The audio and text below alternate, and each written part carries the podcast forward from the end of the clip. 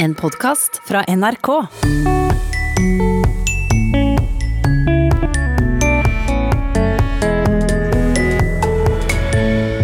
Hele verden kjemper mot koronaviruset, og språket er et våpen i alle kriger.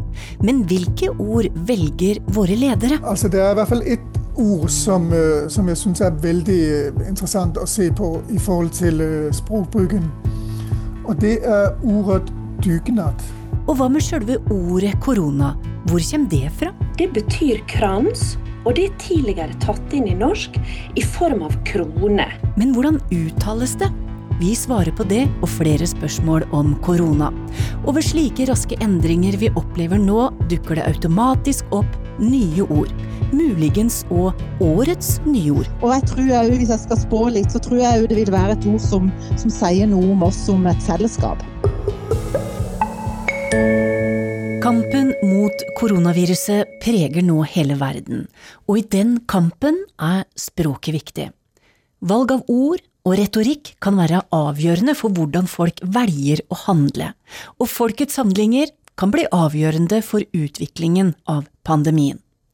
Jens Elmelund Kjeldsen, du er professor i retorikk ved Universitetet i Bergen, og allerede før koronaviruset dukka opp, så var du med på et forskningsprosjektet Retorikk om pandemi, som tar for seg hvordan offentlige myndigheter kommuniserer om risikoen for pandemi. Og plutselig så ble det virkelighet. Ja, det ble nok mer relevant enn vi hadde tur håpe på. Vi hadde ikke tenkt det skulle bli så fremtredende som det ble. Men eh, nå er vi iallfall i gang, så dette skal vi forske på. Mm.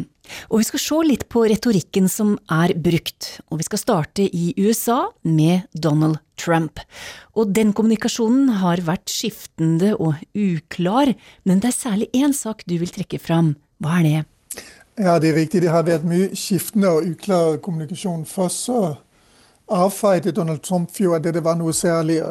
Han sa til og med nei, det vil gå over. Når det blir varmt, så vil det forsvinne. og Det vil forsvinne som, ved, som en, ved Guds berøring. Han har sagt mange rare ting. Men noe av det som kanskje er interessant, er når han begynte å snakke om dette som en kinesisk virus, eller som en Wuhan-virus. Det syns jeg var interessant. I would like to begin uh, by announcing some important developments in our war against the Chinese virus.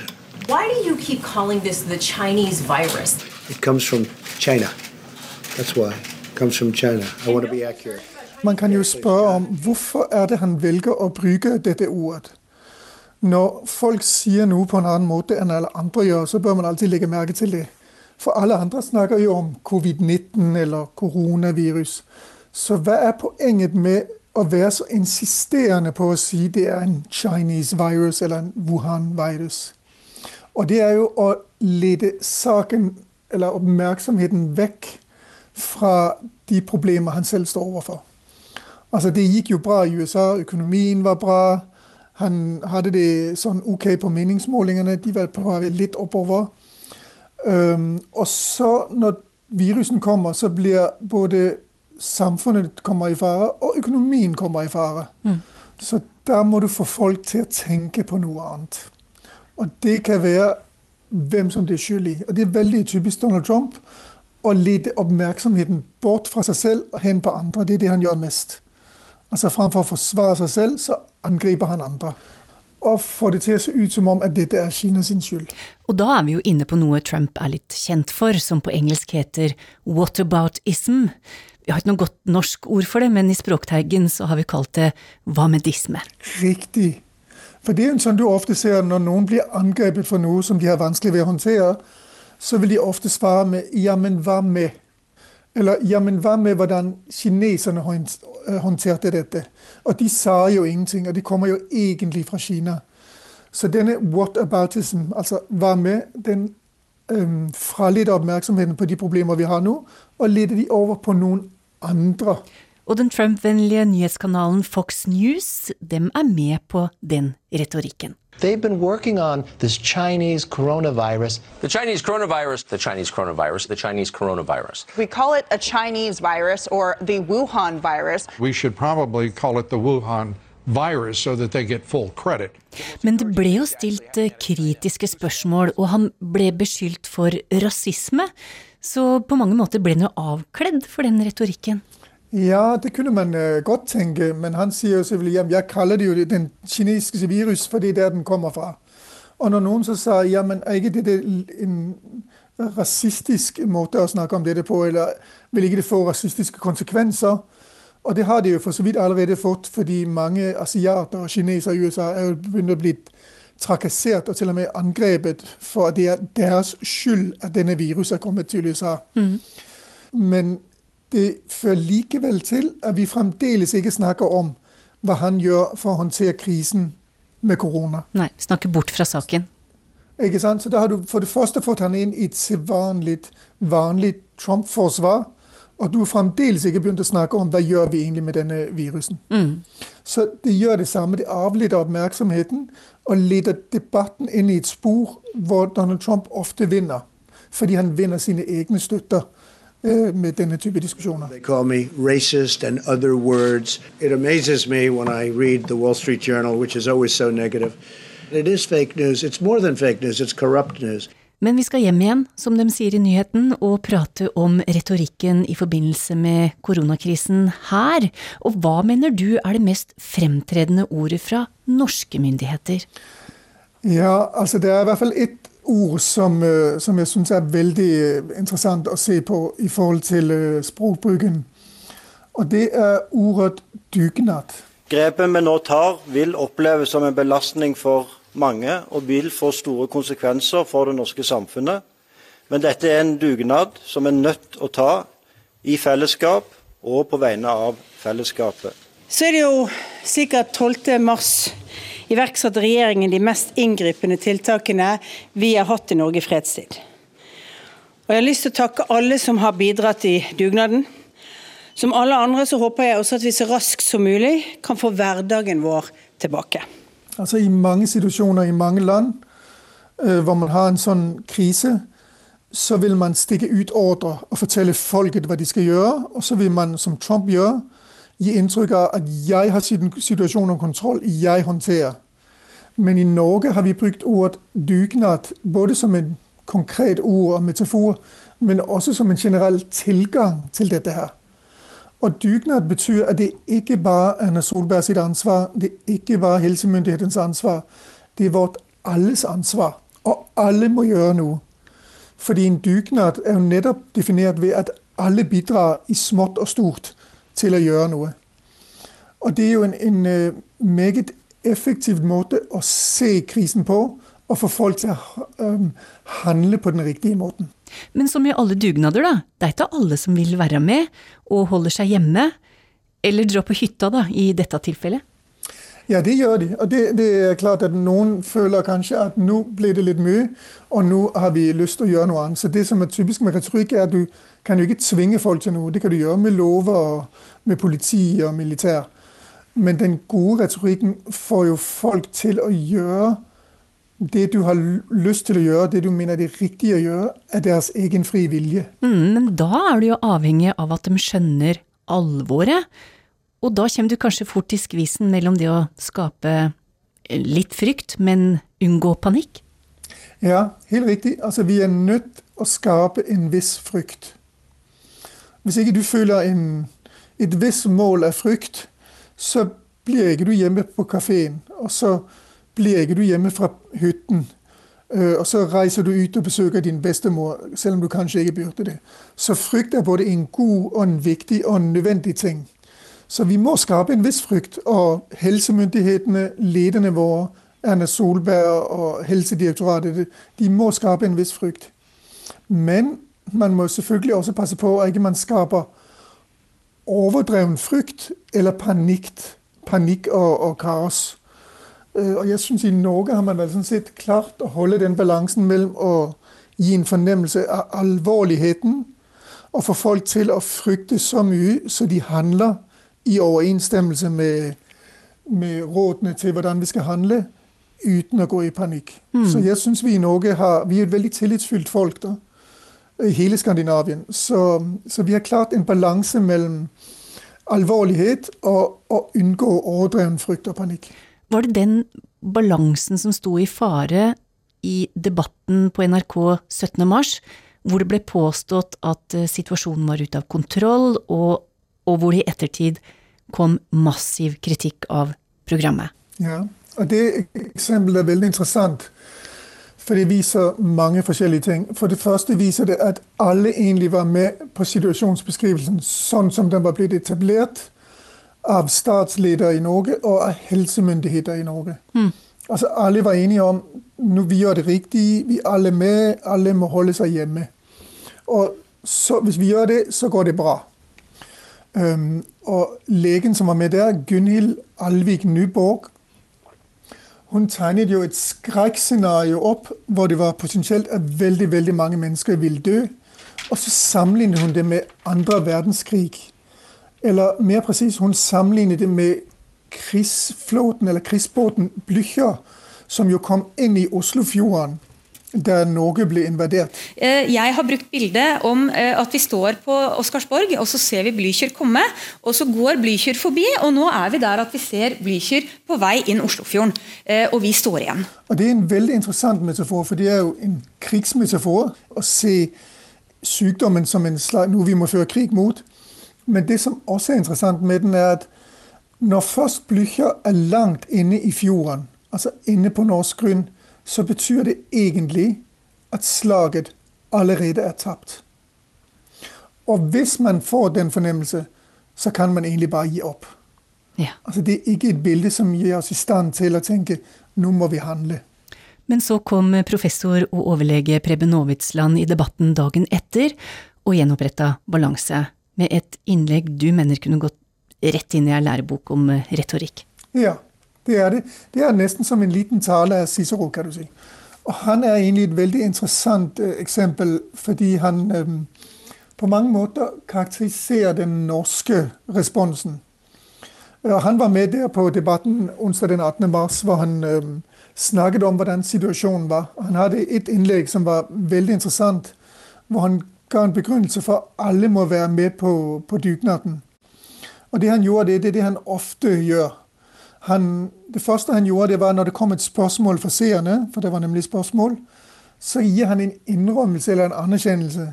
Sier noe sånt som Ja, det er riktig, sånn kan man godt se det. Så han anerkjenner på en måte øh, innvendinger som kommer. Mm.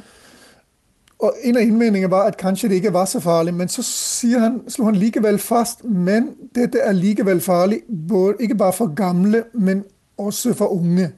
Så han viser altså alvorhetsgraden. At dette er alvorlig. Ikke bare eldre, også yngre folk er døde. Og så sier han derfor er vi nødt til å gjøre noe. Det er egentlig ikke så mye som skal til. Tenk, i, i utgangspunktet så vil eh, hver pasient her i gjennomsnitt smitte to nye.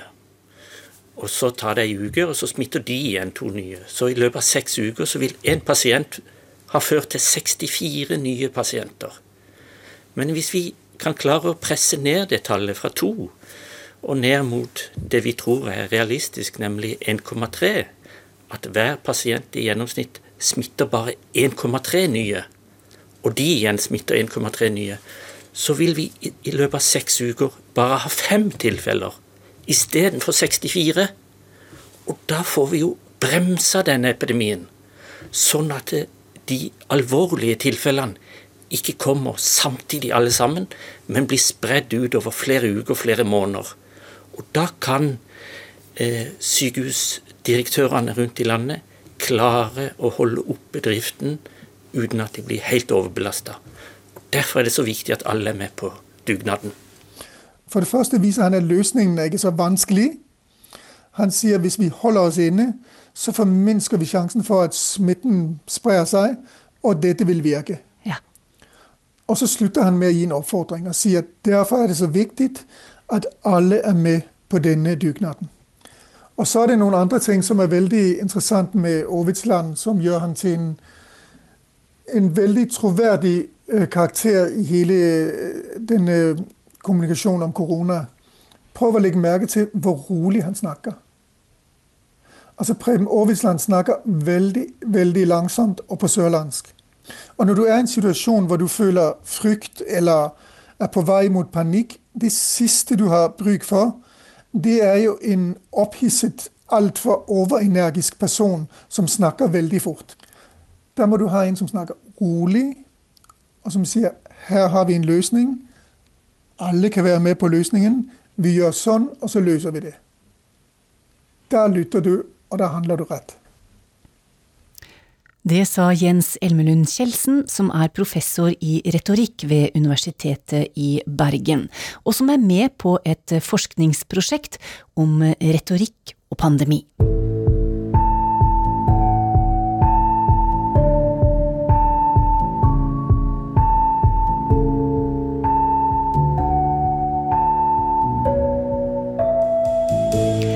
Og det blir mer om korona i Språkteigen i dag. For det har kommet en del spørsmål hit til NRK og til Språkteigen spesielt, om ord som har dukka opp i kjølvannet av et slikt fenomen. NRK hadde nettopp fått ny språksjef da pandemien ramma, og for både hun og journalister dukka det raskt opp språklige utfordringer i nyhetsdekningen av denne saken. Og Caroline Risse Christiansen, hva var det mest utfordrende? Det var utfordrende på flere måter, fordi at korona det var rett og slett ukjent for oss. Vi hadde på et vis ikke språket, vi mangla ord. Og når jeg sier at vi mangler ord, så viser jeg både konkrete ordet korona, som vi en gang ikke visste at vi hadde i norske ordbøker fordi at det var så lite brukt, og til krisespråket vårt. Men journalister er jo vant til å rapportere fra kriser? Vi har jo hatt flere kriser i nyere tid, både 11.9. og her i landet 22.07. Men en så stor nasjonal krise, det, det, har ikke vi hatt siden andre verdenskrigen. Og hva ord skal vi bruke, og hvordan kommuniserer vi en slik krise, en pandemi? Det var ikke enkelt å vite å vite med det samme. Nei, og det handla f.eks. om noe så grunnleggende som hvordan korona skal skrives. Ja, for skulle vi skrive det med K, eller skulle vi skrive det med C? Ja, Anne Mette Husberg har spurt oss om nettopp det.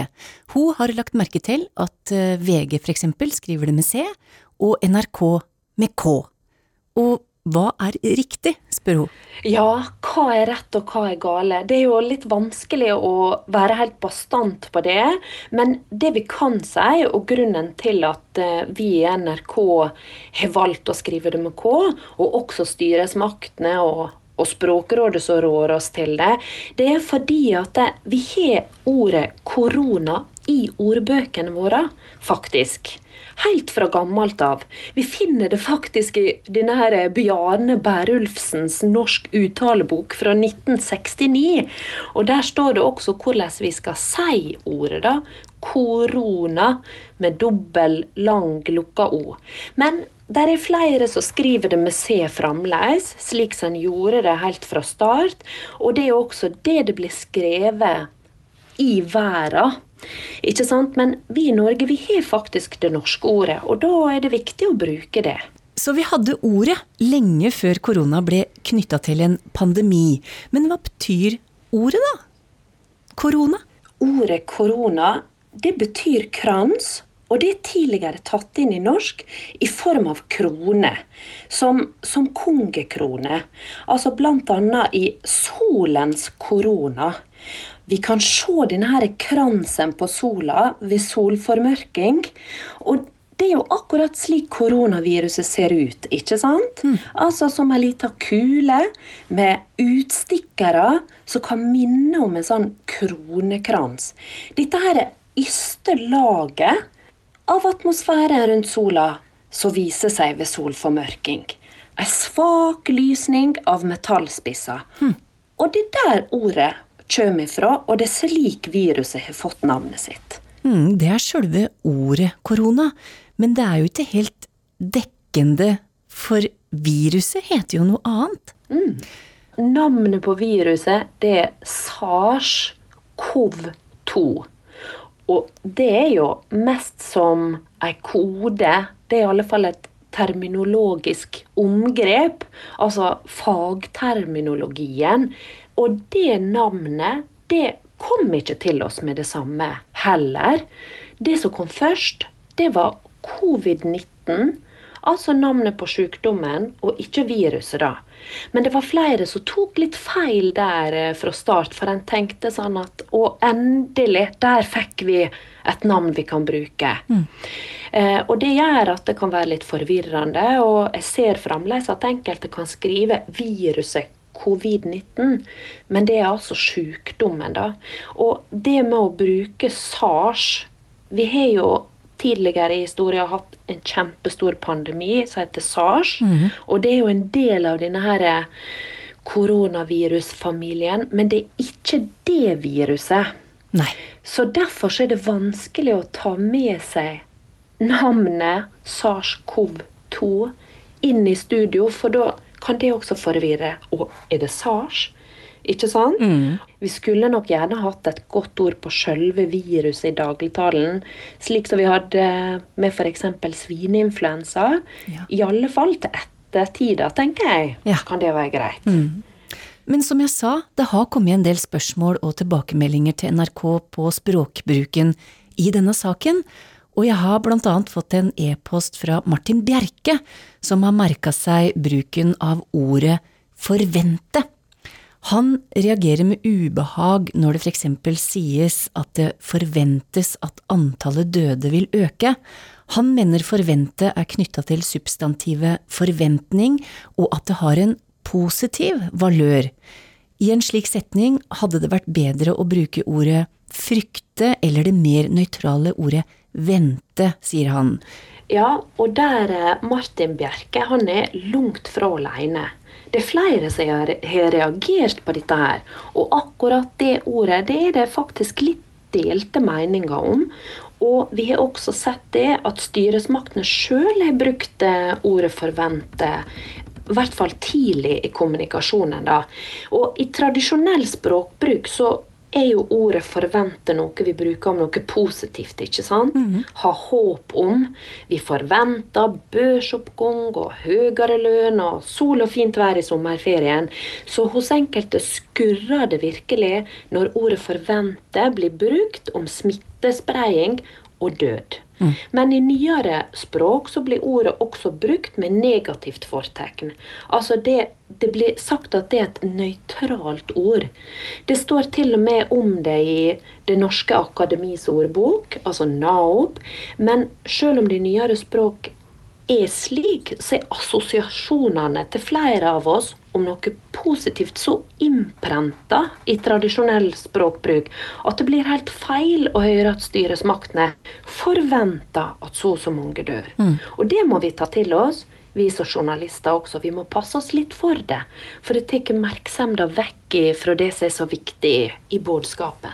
Og så har jeg fått et eh, annet spørsmål òg, fra Ola, som har spurt om eh, betegnelsen å stenge ned. Som mm. i f.eks. nå stenges Norge ned. Holder det ikke bare å si stenge, da? Ja, ehm, det er et veldig godt spørsmål. Og Ola er heller ikke alene om å reagere på det ordet eller omgrepet 'stenge ned'. Vi også har fått flere tilbakemeldinger på det. Og jeg ser det at uttrykket er mer og mer i bruk. Stenge ned, eller nedstenging. Og det er jo også et omsett omgrep av det engelske 'shut down', eller 'lockdown', som mm. vi har hørt mye i det siste. Eh, likevel, omgrepet står også i ordbøkene, og er også et norsk omgrep som blir brukt i industrien av noe som blir stengt gradvis ned. Men i de fleste situasjoner så holder det lenge å si 'stenge'. Jeg har òg fått et eh, spørsmål om bruken av ordet episenter. Og den lytteren ja. sier at den er mer vant til å høre om det når det rapporteres om jordskjelv. Ja, og det stemmer. Vi er vant med å høre om episentrum når vi hører om eh, jordskjelv. Og det virker litt sånn pussig på et vis, for det holder lenge med sentrum for koronaviruset. Og et episentrum det er jo det punktet på jordas overflate som ligger rett over den staden inne i jordskorpa der jordskjelvet har sitt egentlige sentrum. Så det holder lenge med sentrum, men det er altså vanlig at omgrep fra naturvitenskap blir brukt i overført betydning. Jeg skal avslutte med en liten hilsen fra Anne Østgård. Hun har begynt å si vis virusvett når hun avslutter samtaler med folk. Så jeg tenkte jeg skulle ta den videre til deg, Karoline. Ja, det syns jeg var et veldig godt ord. Det er jo nesten som et slagord. Har du hørt det før? Nei, jeg har ikke hørt akkurat den formuleringa, altså. Og det, det, er nesten sånn at vi kan skrive det på en plakat, tenker jeg. At vi skal vise virusvett. Ikke sant? Vis virusvett. Og takk for praten, språksjef i NRK, Karoline Riise Christiansen.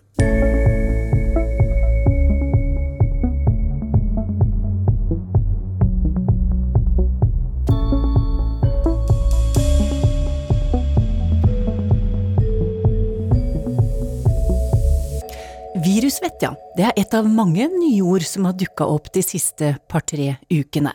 Og som vi hørte Karoline Riise Christiansen si, når det skjer raske endringer rundt oss, så speiles det òg i språket.